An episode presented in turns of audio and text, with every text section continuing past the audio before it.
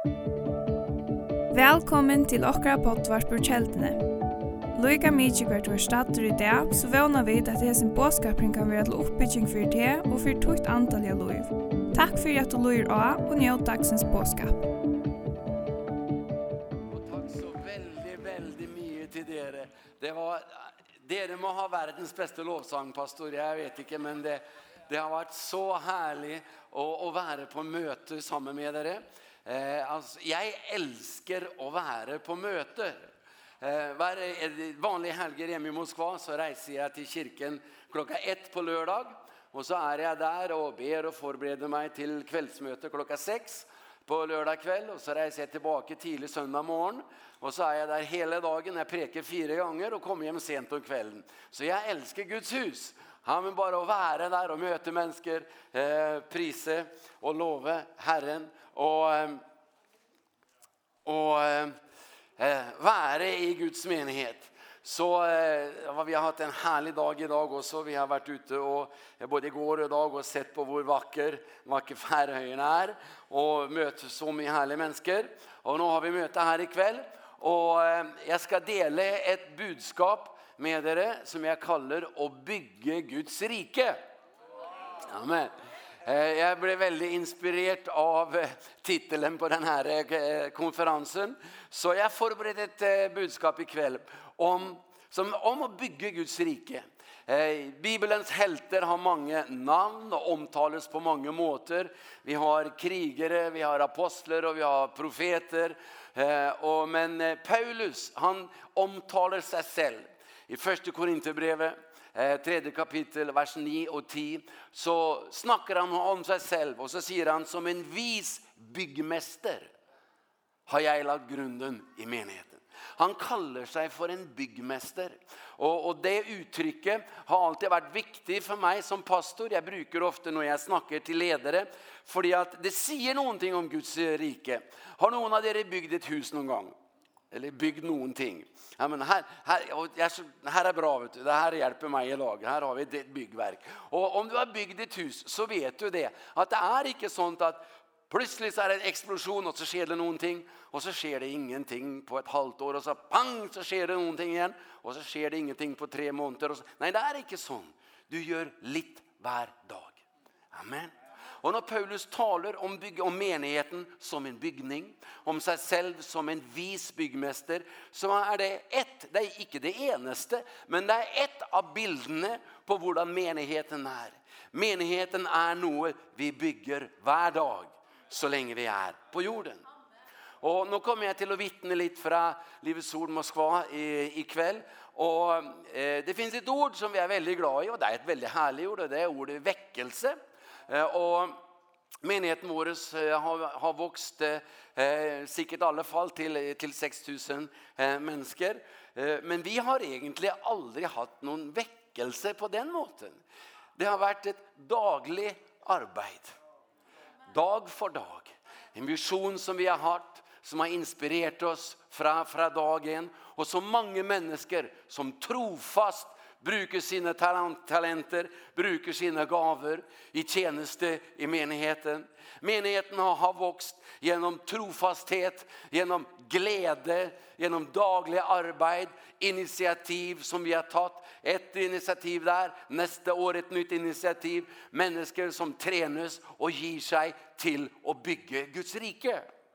Og derfor så jeg er kanskje, og jeg tror på vekkelse, det er ikke noe med det. La Guds ånd falle, og så plutselig så, så skjer alt som det vi kan läsa om i historieböcker om menigheten och så var det väckelser och tusentals människor blev frälst. La det gärna komma, men si men. Men vi kan inte sitta och bara och vänta på att plötsligt ska det ske något. Vi vet inte hur många dagar vi har. Vi vet inte hur många år till Jesus kommer. Och vi ska bygga Guds rike idag, imorgon och dagen efter imorgon. Om du tror det så låt oss prisa Herrens namn sammen. Amen. Det ska vi göra. Och vi ska bygga sammen. Och nu ska jag ta och eh, det finns... Eh, Det finns många som byggde ting i Bibeln. Eh olika bygninger och tempel och Moses gjorde ju det han byggde tabernaklet. Det står mye om hvordan Salomon byggde tempelet. eh och eh han visste ikke hva jeg skulle snakke om, og han pratet om Esra, eh, Esras bok som forteller om hvordan Zerubabel bygde, bygde opp tempelet igjen i Jerusalem. Og jeg skal snakke om en annen byggmester i Bibelen, som heter Nehemja. Eh, for etter at folket ble tatt til fange til Babylon, så vendte de tilbake i alle fall tre omganger. En gang under, under Zerubabel, man bygde tempelet, en gang under Esra, man opprettet, opprettet gudstjenesten, og så under Nehemia, da, når man bygde opp igjen murene rundt omkring eh, Jerusalem. Og han skal vi snakke om, eh, om i dag. Og, og det er sånn at eh, når vi tenker på Nehemia, han leder da en gruppe mennesker som vände tillbaka från Babylon till Israel och han ledde arbetet med att bygga upp murarna som Nebukadnessar hade revet ner. Så Nehemja, han är en väldigt uventet helt i Bibeln. Fordi at Nehemjas bakgrunn, det, det var ikke akkurat at man skulle tro at han skulle bli en byggmester eller, eller en leder. Altså, han var munnskjenk på norsk. Vet du hva det er? Alltså det är ett yrke alltså när då kungen eh, i Persia skulle spise, så smakte Nehemia först på maten och så såg man om Nehemia döde då fick inte kungen maten. Om Nehemia levde då fick kungen spise. Så det är ett ganska speciellt yrke att ha då. Det det och, och det var det han var. Och men allikevel så var han den som eh, har en hel bok i Bibeln eh, som bär hans namn om hur muren blev byggd upp igen. Og nå skal jeg dele med deg fire sannheter om Nehemia og Jerusalems mur. Og skal vi bruke denne boken og hvordan de bygde, og så skal vi bruke det på oss her i det 21. århundret her på Færøyene, og hva vi kan lære av Nehemjas bok om å bygge Guds rike, om å bygge menigheten i dag. Fire sannheter om Nehemja og Jerusalems mur. Og den første sannheten er at hans hjerte kunde bli berört. Det står så här i Nehemias bok eh, i det första kapitlet. Eh, han da jobber hos kongen i Persia som munnskjenk, og så kom det jo iblant av noen fra, fra Jerusalem og fra Israel og fortalte litt hvordan det var i det lovede land. Eh, og så fortalte, og Nehemia da fikk treffe noen som fortalte om at ting ikke var så bra. Og det står fra vers 3 og 4, så står det, de svarte meg, De som har blitt befridd från fångenskapet och nå bor där i landskapet, det vill säga i Jerusalem, är i stor ulykke och vanmäre. Jerusalems mur är revet ned och portarna är uppbränt. Okej. Og Och så står det, da jag hörte detta satte jag mig ned och gråt. Och sørget dag efter dag. Jag fastet och bad för himmelens Guds åsyn. Nehemja hade ett hjärte som kunde bli berört av det han så i världen. Amen. Och slik är det. Och det är det vi alla trenger att be Gud. Gud ge mig ett hjärte som kan føle vad du føler för världen, för færøyene, för de för menneskene som er runt omkring oss. För att om Gud ska kalle ett menneske, så må han nå hjertet. Det er ikke nok med det intellektuelle. Det er ikke nok med det rasjonelle. Gud må kunne nå et menneskes hjerte. At vi kan føle hva Jesus føler. At vi kan oppleve på innside glede og smerte som han har. Og fordi at i Matteus det fjerde kapitlet og vers 4 eh, i saligprisningene der, så sier Jesus, salige er de som sørger. Och, och det finns en väldigt dyp sannhet i det. Salig är det människa som kan gråta. Om inte du gråter fysiskt, men du kan gråta på insidan. Eh, allesammen vi vet vilka konflikter som är idag i, i världen också. När det gäller Ukraina, när det gäller Ryssland. Och, och, och jag vet inte, men eh, jag har grått många tårar det sista året. När jag hör historier Och när jag träffar, träffar människor, jag har grått framför menigheten, jag har grått framför, framför väldigt många forskjellige människor. Och, och när jag träffar pastorer i Ryssland, om det är någonting som är viktigt för mig att säga till dem så är det pass dig för att vara likegyldig. Människor lider, men, men, människor dör. Och oavsett var, var, man, hvor man befinner sig geografisk så är det det är livsfarligt för en kristen att bli kall på insidan.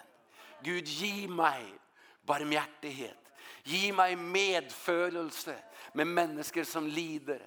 Jesus så över han så eh, utover sin generation i Israel, står i Matteus eh, 9 kapitlet. Och han så att, att they were scattered and weary. Jag kan det här bättre på engelsk. Like sheep having no shepherd. Han så våra människor led, att de var utan Gud. Och det rörte hjärtat hans. Och slik må vi vara också. Om vi ska bygga Guds rike, må du och jag vara människor som kan se så många människor som inte känner Gud Och de är på väg mot evigheten. Vi må kunne se lidelse rundt omkring oss. Unge mennesker. Eh, Norge, som der, der jeg og Randi og egentlig kommer fra, da, eh, regnes ofte som det beste land i verden å bo i, med den høyeste levestandarden, mens selvmordsstatistikken blant tenåringsjenter stiger. Det finns så mye lidelse rundt omkring oss. Och, och Nehemja, när han hörte om Jerusalems murer, alltså denne han var ju en slags ämbetsman, det var ju inte, det var ju säkert gott betalt lön. Han sätter sig ner, han gråter, han sörjer och han fastar och fastar och, och, och ber. Och Men då kan vi ju tänka så här att ja men om murarna ska byggas upp, varför varför kallar Gud Nehemja till att göra det? Det er et veldig godt spørsmål. Nehemia var ingen prins. Han, han var ikke liksom av kongelig ett på den måten. Og han var definitivt ingen ingeniør. Skal du bygge en mur rundt Jerusalem, så bør du jo kunne noen ting om steiner, om sement, om, om ingeniør. Han var munnskjegg. Han, han drakk vin og spiste mat for å se om, om kongen skulle bli forgiftet eller ikke. Hvorfor brukte Gud Nehemia? og ikke noen annen. Altså, jeg tror han sa at alt begynner her. Han hørte om muren, og han setter seg ned og gråter og faster og ber. Han levde et liv i luksus, det gjorde han. Han hadde den fineste maten i hele Perserriket, det er helt sikkert. Han drakk den fineste eh, vinen. Når han hørte om muren, så briste hjertet han, og han er villig til å gi, gi fra seg alt for å bygge murene opp igjen. Den hållningen är begynnelsen till en levande menighet. Om vi alla kan vara sån, lengte efter att vara sån från det äldste till det yngste så kommer Guds Guds ånd till å, till att till att bruka oss. För för mitt spörsmål till er i idag, kan noe berøre deg? Kan noe få dig till att börja gråta? Kan noe få deg til å sette seg ned og faste og be, fordi du ser noen ting i verden som du så, så dypt vil forandre. Jeg elsker å lese misjonshistorie, og, og Hudson Taylor har du kanskje hørt om. James Hudson Taylor som, som öppnade Kina för, för kristendomen och kristen mission. Och det var inte alla som var lika, lika glada för det han gjorde. Han rekryterade många unga människor, inte bara från, från Storbritannien, från Norge och Sverige också, så reste missionärer dit. Och hvis han blev lite kritiserad, men ska du bruka livet till det här? Så sa han, om jag hade tusen liv skulle jag ge alla tusen till Kina. Vet du vad det är? Det är ett människa som är levande på insidan för någonting. Och vi har mycket ungdomar i menigheten vår så vi har, vi har stora ungdomsmöten. Vi, vi, vi må ha Vi har bara 1200 sitteplatser i eller bara det är väldigt bra med 1200 sitteplatser i menigheten. Det är det men vi måste ha två ten, två ungdomsmöten. Vi har två tenåringsmöter för att för att få in alla ungdomarna. Och det gläder mig, men vet du vad som gläder mig ännu mer? Det är nog för att varje vecka har vi bönemöte för ungdomar och de kommer och de kommer och de kommer. En ting är att du går på ett ungdomsmöte och det är härlig lovsång och du träffar mycket vänner. En annan ting är när du kommer för att be. Och, och vi har bönemöter, vi har bönenätter i menigheten. Våra bönenätter de börjar 8 och slutar tolv. Men när ungdomarna har bönemöter, då börjar de elva på kvällen och ber till klockan 5 om morgonen. Deras eget initiativ. Jag har inte bett dem att göra det. Men vet du, da er det håp for framtiden. Amen. Jeg sier ikke at du må gjøre det, men jeg sier det at når, når hjertet brenner for noen ting, når man er villig til å offre, og det var det som skjedde med, skjedde med Nehemias her. Og jeg skrev ned en setning her, som om vi kan få den eh, på skjermen. Du er kanskje ikke den som kan gjøre mest, men om du kan være den som bryr seg mest, kan du allikevel forandre verden. Amen om ikke du er den mest begavede, men om du er den som Gud kan røre mer enn noen annen, så kan Gud allikevel bruke deg til å forandre verden. Og alt Guds folk sa. Amen. Så det var det første om Nehemia og muren. Han hadde et hjerte som kunne bli berørt. Ok, den andre sannheten er at han var frimodig i de avgjørende øyeblikkene. För när vi läser Nehemjas historia så hör han va om eh, muren i Jerusalem. Han, han begynner att gråta, han faster och ber. Och så går det en, en period eh, och så står det så här i det, i, i det andra kapitlet och de två första verserna. Så står det i månaden Nisan i kung Artaxerxes til, 20. år traff det seg en gang slik at det var satt fram vin for ham. Jeg tok da vinen og rakte den til kongen. Jeg hadde aldri før vært sorgfull når jeg sto for hans ansikt. Da sa kongen til meg, «Hvorfor ser du så bedrøvet ut? Du er jo ikke syk, det kan ikke være en hjertesorg.» Og da ble jeg meget redd, står det i Bibelen. Og altså, hvorfor ble han redd? Jo, han ble jo selvfølgelig redd for at nå kunne han miste hodet. Foran kongen så skulle alle være glade. Du kunne ikke komme til han og være sur. Her har du vinen, konge. Det var det siste du gjorde i livet, det var helt sikkert. Og, og Artaxerxes, han kunne hogge hodet av hvem han ville når, når som helst. Og når kongen sier til han, så det er jo ikke sikkert at kongen sa, «Å, er du, er, er du lei deg da?» Han sa, «Hva er det med deg?» Du är min munnskjekk, och här står du og är sur. Och det, han står, han blir meget rädd. Och det var en orsak til att han, var, til han ble meget rädd. Och vet, frimodighet kan ha mange sidor. Ibland så kan du förbereda dig til noe. Og samle frimodighet. Du skal ha en, kanskje en eksamen på universitetet, og du er veldig redd, du er veldig nervøs. Men du kan gå til psykolog og forberede deg. Du kan gå til pastor Pauli, og han kan prate med deg, oppmuntre deg. Og du kan forberede deg, ikke sant? Eller at du skal fri til jenta. Hørte det var en som fridde til en jente her i går kveld. Ja visst var det. Er du her, du som gjorde det? Ja, men nei, de er og vandrer ned ved runt sjön här dem nå i kärlighet. Amen. Men och du ska fri till en jente. Och då tänker du, säger hon ja eller säger hon nej? Och du är väldigt liksom lite nervös för det, men då kan du förbereda dig. Du kan mobilisera dig och du kan be och du kan gå på counseling, men ibland så bara sker situationen rätt föran dig. Du har ingen chans till och till och, och, och förbereda dig. Och Jag husker for exempel Joakim på, på Livets ord första gången jag var på scenen där. Det var gick gikk, gick jag har gått gått bibelskolan och det, og på scenen där var ju bara Gud var på scenen och och Guds män var på scenen och vi andra vi var där nere. Det det var ju slik det var. Och så var det på, på en konferens och så kom Urban Karlsson som var ledare för alla mötevärter så kom han fram fram till mig och sa Pastor Ulf vill att du ska vittne på ett möte och jag blev livrädd. Livrädd tänkte jag, gode Gud, jag vittne på ett möte okej, okay, nu måste jag hem och be här hem och läsa bibeln och han har måste liksom ringa till pappa och så sa jag, "När då?" "Nå", sa han jag trodde jeg skulle dø. Joakim, du vet hur det här funkar för du var där. Jag trodde, nå! Och liksom, nå, men vad ska jag säga? Gud, hjälp mig! Och sån är det ibland. Plötsligt är situationen där och du kan inte förbereda dig. Slik var det för Nehemja. Fordi at du kanskje tenker at dette skjedde liksom neste dag etter at han fikk høre om eh, eh, høre om Jerusalems murer, men det var det ikke. Det står i måneden Nisan i kong Artaxerxes 20 år. Hvorfor står det det? Jo, for det har gått fire måneder her nå. Fra Nehemia, han fikk høre dette, han gråter, han ber, det gått, gått fire måneder. Og så plutselig, så sier, sier kongen, altså, hvorfor er du lei deg? Og Nehemia forstår, nå kan jeg prate med kongen. Kongen tok opp temaet.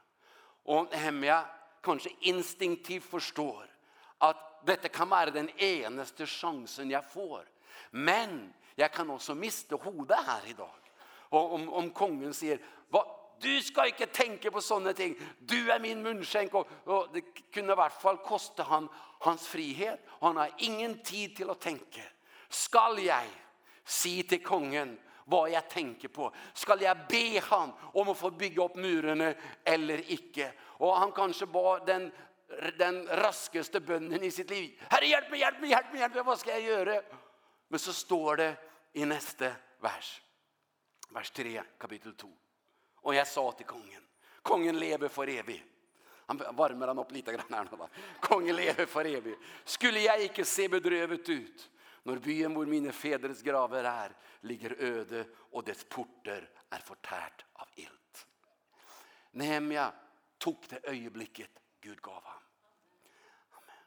Og kongens hjerte blir berørt. Og han gir ikke bare Nehemia mulig fri til å gå, han gir ham også det han behøver av penger og, og materiale for å bygge muren. Men det er også sånn at alt dette går tilbake til det øyeblikket när Nehemja hade möjligheten och han tog det ögonblicket. Och slik är det för oss. I menigheten så, så kommer dessa stunderna också. När Gud ger oss en möjlighet. När han kallar. Och vi allt, inte alltid kan, kan tänka och förbereda oss så länge som, som vi skulle, skulle ønske. Når Gud taler til et menneske, når han gir en visjon, eller når plutselig en dør, en dør åpner seg. Eh, litt sånn som David, når, når David kom til filisterne, og Goliat sto der, og David, han var ikke forberedt på dette, men, men han forstod at nå, i dag, har jeg sjansen til å gjøre noe som jeg kanskje aldri har sjansen igjen.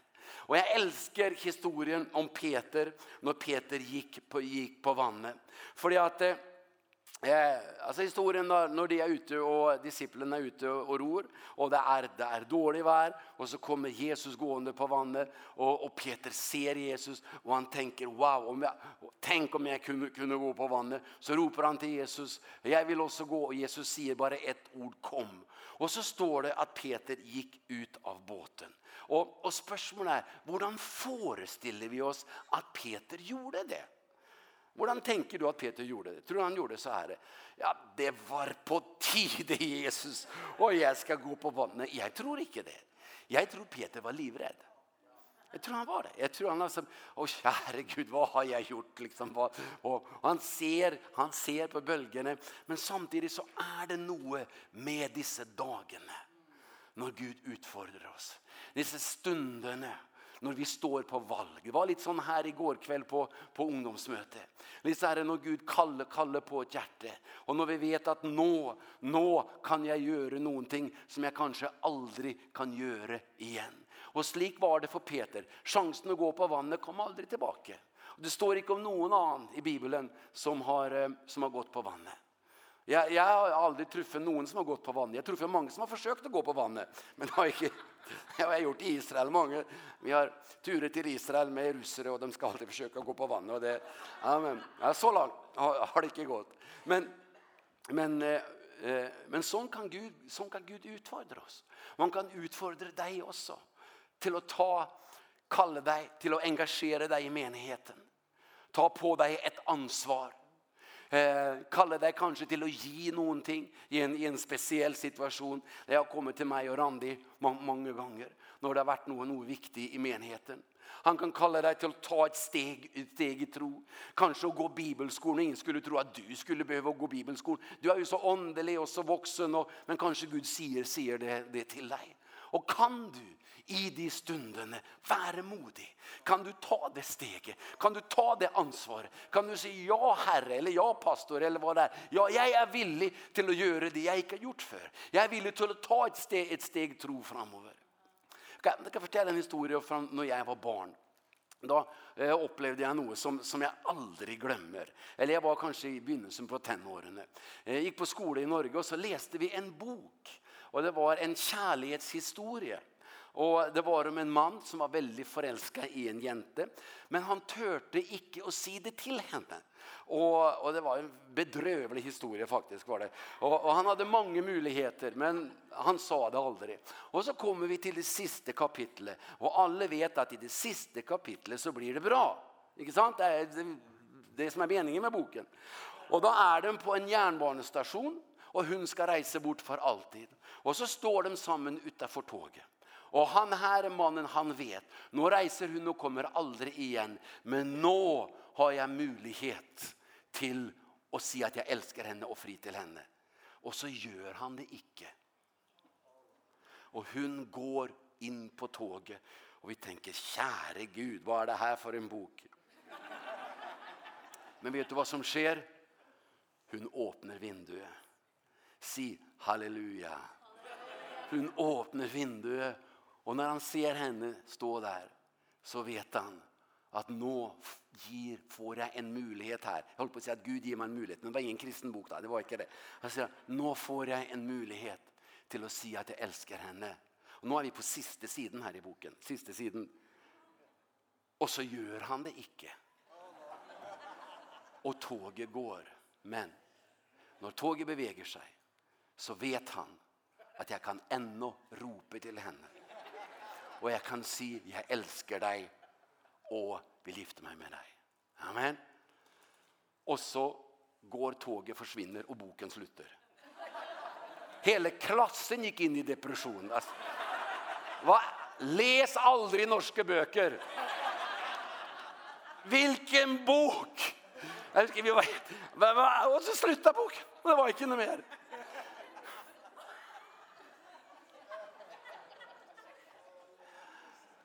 Vet du hvorfor jeg husker det her?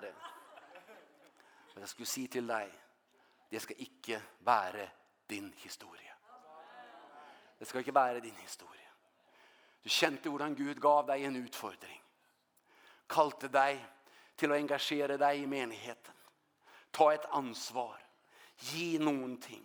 Eller, eller gjøre noen ting for Gud.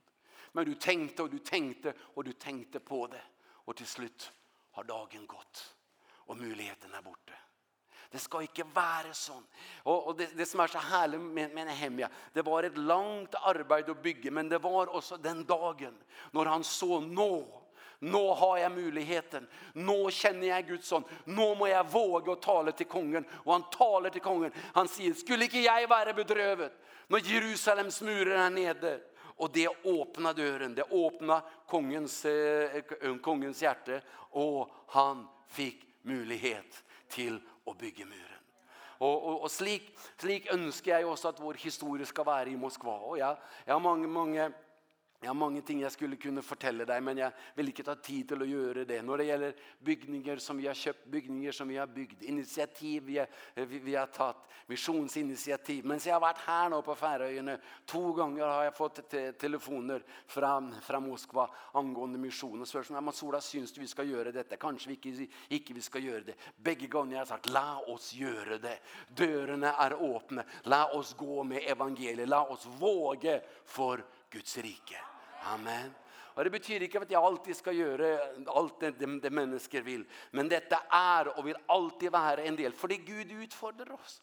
Tro är å våge. Tro är å gripe anledningen som Gud ger oss. Amen. Så det var den andra sannheten. Om Nehemia og och Jerusalems murer. Det första var, han hade ett hjärta som kunde bli berört. Det andra var, At han var frimodig i de avgörande ögonblicken. Och så det tredje som jag vill visa dig, det är att alltså det står da i i kapitel i det andra kapitel och det åttonde vers så står det att han reiser till Israel. Eh, han tar med sig en grupp och han står, han säger att min Gud hold sin gode hand över mig. Så han tar med sig en grupp och han kommer till till Israel där för att börja bygga muren. Och då är den tredje sannheten om Nehemia, om Nehemia och om Jerusalems mur är att han äret sine medarbetare. Och han hedret sine medarbetare. När han kommer så förstod ju han att han kunde inte bygga eh, någon mur alene. Han, han, han måtte mobilisera menigheten. Han måtte mobilisera israeliterna och få dem med sig. Och så står det i det, i det andra kapitel och i vers, vers 17 så samlar han alla ledare i Israel. Och så säger han dessa enkla orden, Nehemia 2.17 Kom och la oss bygga.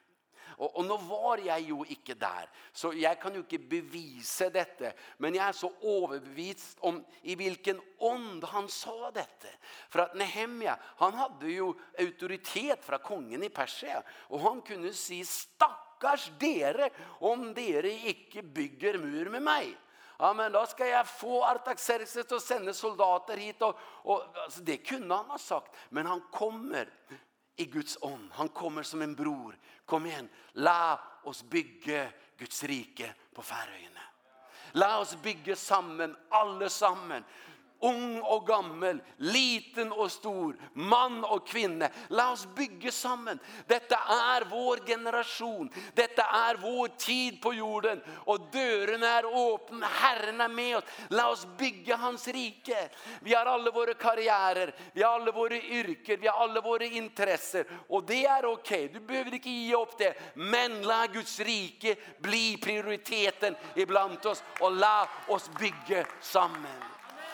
Amen. Slik är det han kommer. Med den inställningen och med den appellen så kommer han till dem. Och så står det faktiskt inte så väldigt många detaljer om hvordan arbeidet kommer i gang. Eh, alltså de må ju då hugga stein och, och de må ju då eh, skaffa materialer som, som behövs och så vidare. Men det är tydligt att folk reagerar. De hører Jeremia, de ser en leder som appellerar till dem och de känner gleden. Ja, det vill vi göra. Vi vill bygga Jerusalems mur och vi må göra det sammen. Och med ett verk av den helige ånd så är det alla sammen vi vill vara med och så begynner de och begynner de att bygga. Och då fortäller då Nehemia denna historien. Det står nedskrivet i, i Nehemias bok. Och när han gör det så skryter han och ärer alla sammen som är med. Det tredje kapitlet i Nehemia. Det, jag vet att det finns ingen kapitel i Bibeln du läser fortare än det kapitlet. För det går som regel väldigt fort.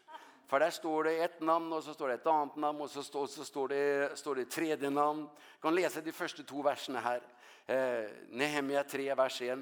Ypperste presten eh, Eliashib og hans brødre prestene gikk i gang med å bygge saueporten står det i andre verset. Ved siden av dem bygde mennene fra Jericho, og ved siden av dem Sakkur, Imris sønn. Tredje verset, fiskeporten ble bygd av Senaas barn, og så videre, og så videre. Hvorfor gjør han dette? Nehemia, dette tar bare plass i Bibelen. Hvorfor må jeg lese alle disse lange og vanskelige ordene som står her? Men det er fordi at for Nehemia var alle viktige. Och alla ska äras. Alla ska tackas. Alla ska vite att de har en del i det Gud gör. Någon står kanske här uppe. Någon är som Nehemia som appellerar och talar. Men det betyder inte att du inte är viktig.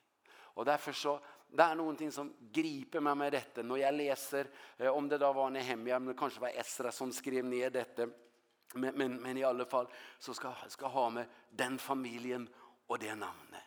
Den familjen och det namnet. Och ditt namn och ditt namn. Allt skrives ner. För det slik är Gud. Gud har också böcker där han skriver. Och där står det inte att det var liksom ja det var det var pastor Joakim och pastor Pauli och så vidare. Nej, det står inte där. Alla namn står. Alla familjer. Alle som gav.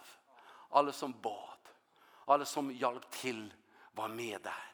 Och den onden den bara lyser ut av Nehemjas bok när, när, han skriver av detta. Och var slik här på Färöarna. Hedre hverandre. Takke hverandre.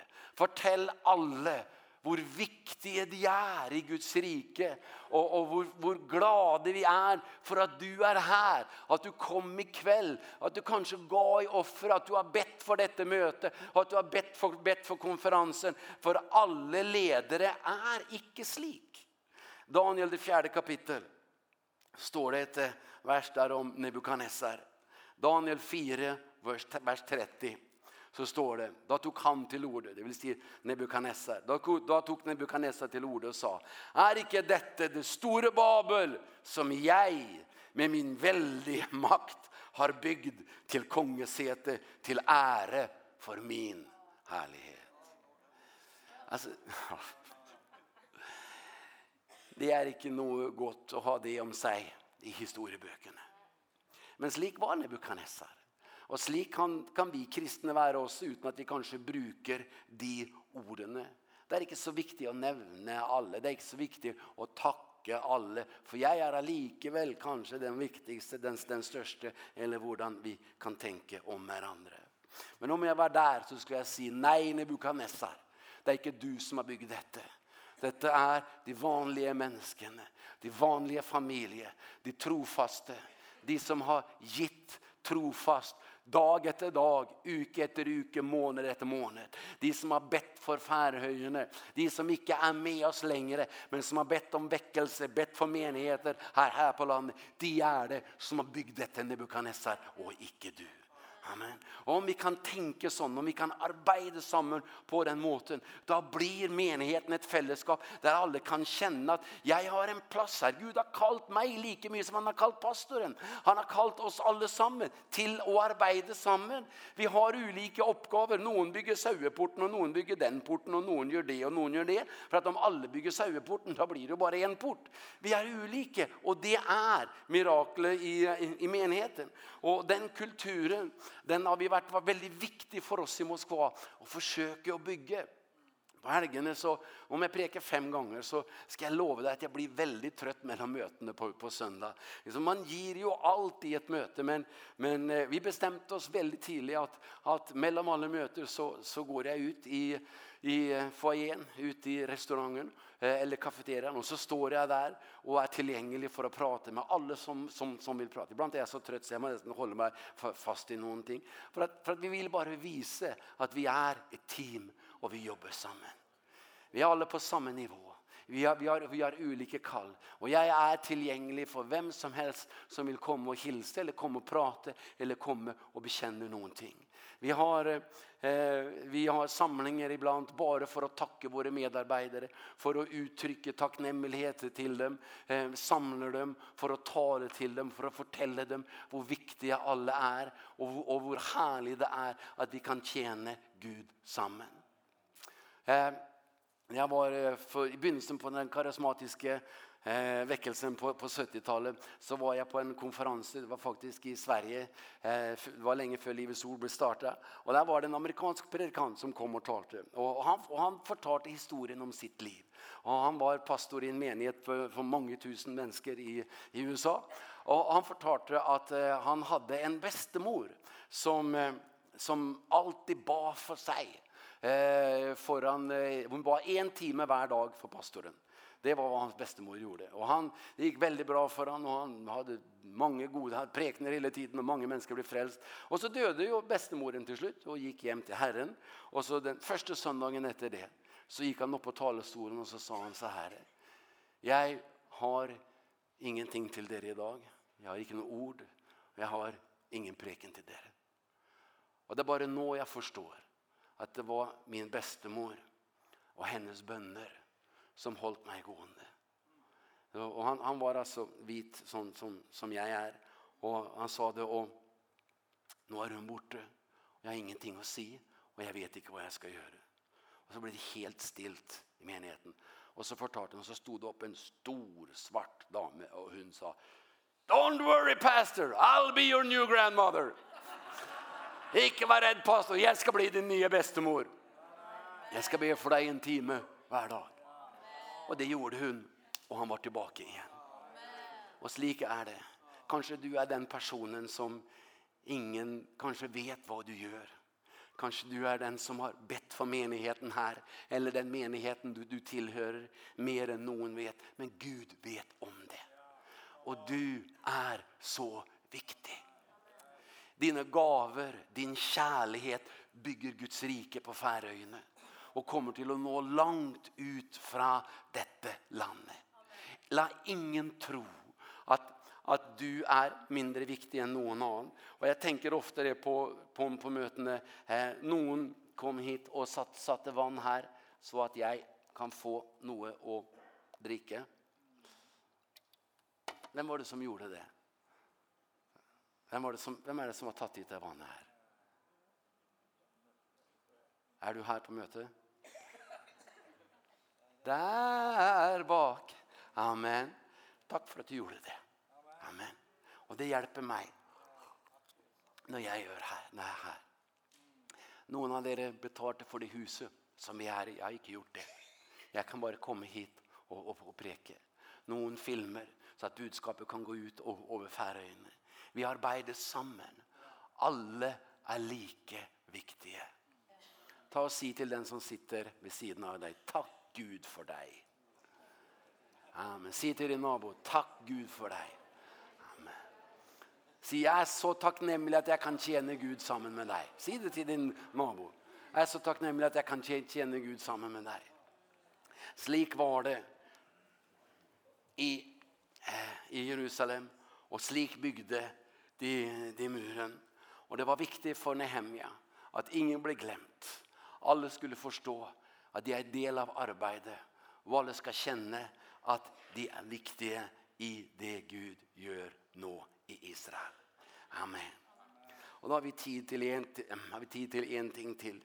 Vi sa det att att det första var att han hade ett hjärta som kunde bli berört.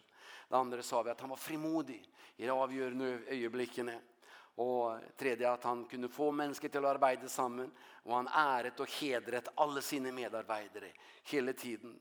Och det sista som jag vill nämna som också var väldigt viktigt med Nehemia. Det var att han reste sig alltid upp igen. Fordi att hans historie är också en historie om, om många vanskeligheter.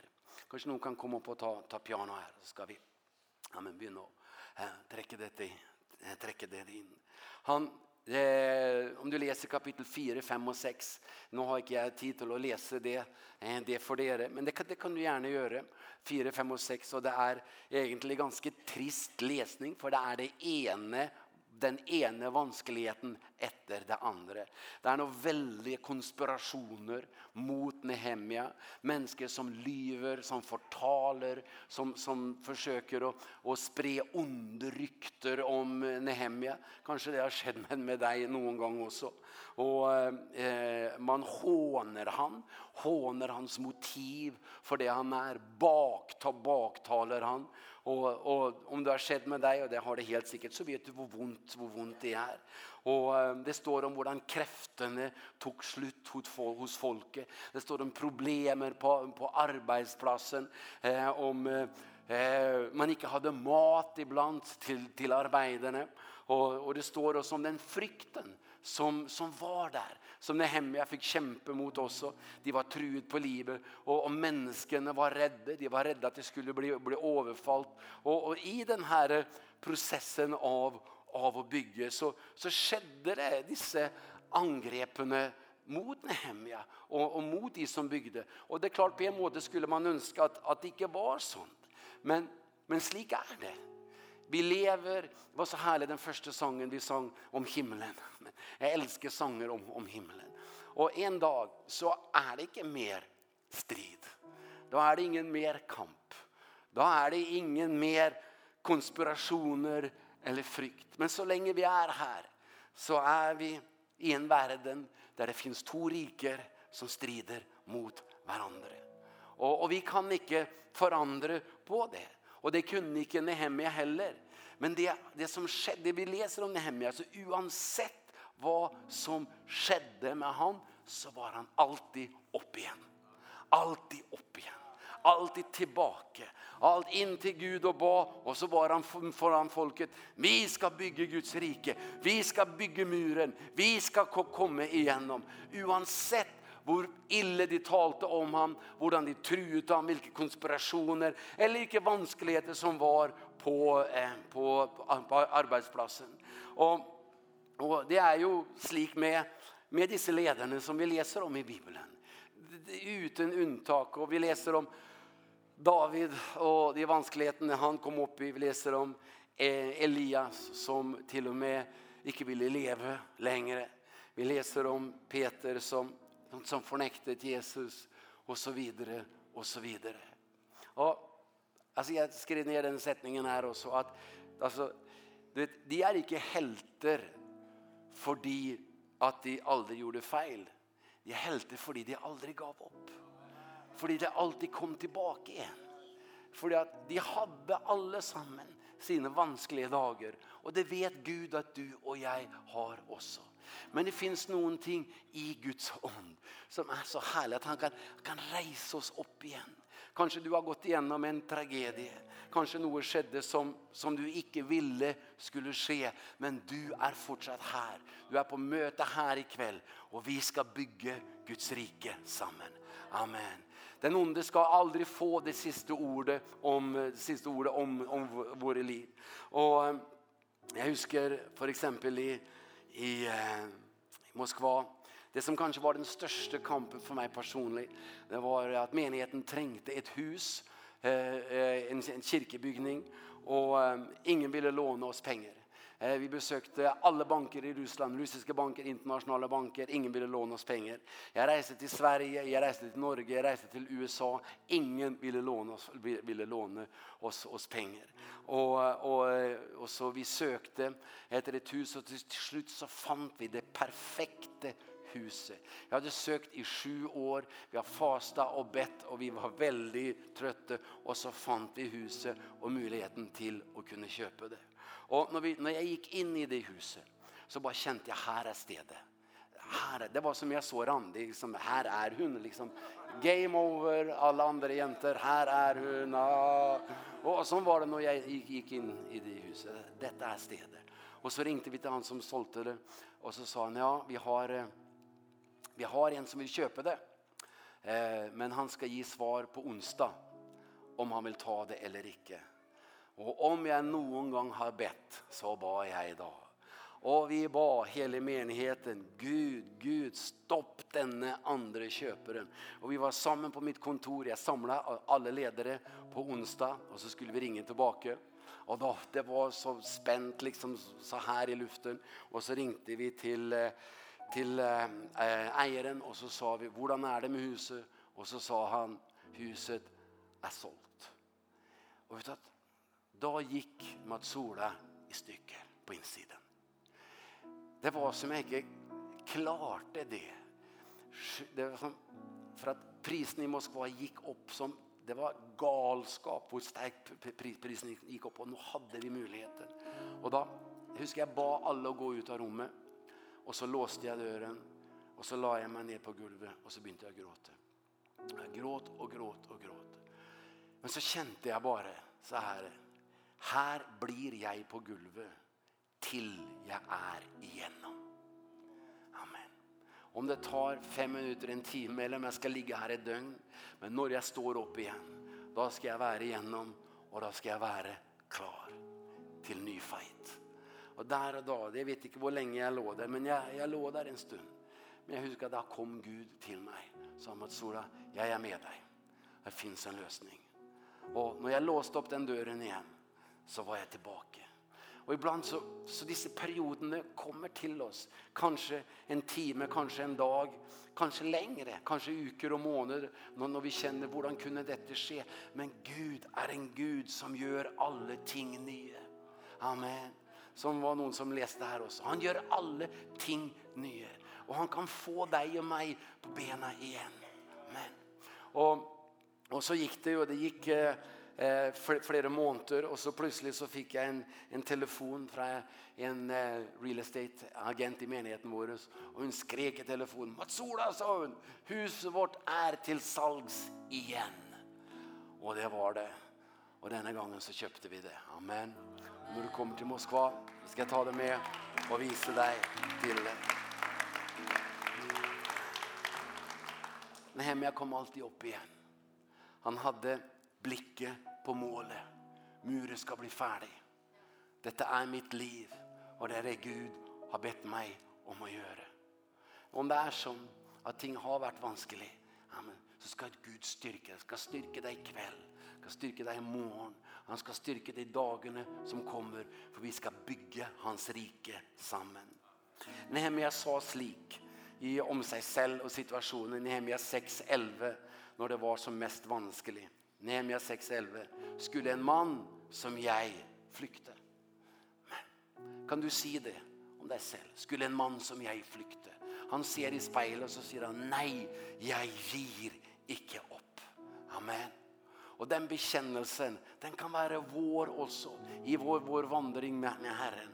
Så skulle en mann som jeg flykte, nei, jeg har ikke tenkt å flykte. Jeg skal bli her hele veien og tjene Gud med det han har kalt meg til å gjøre.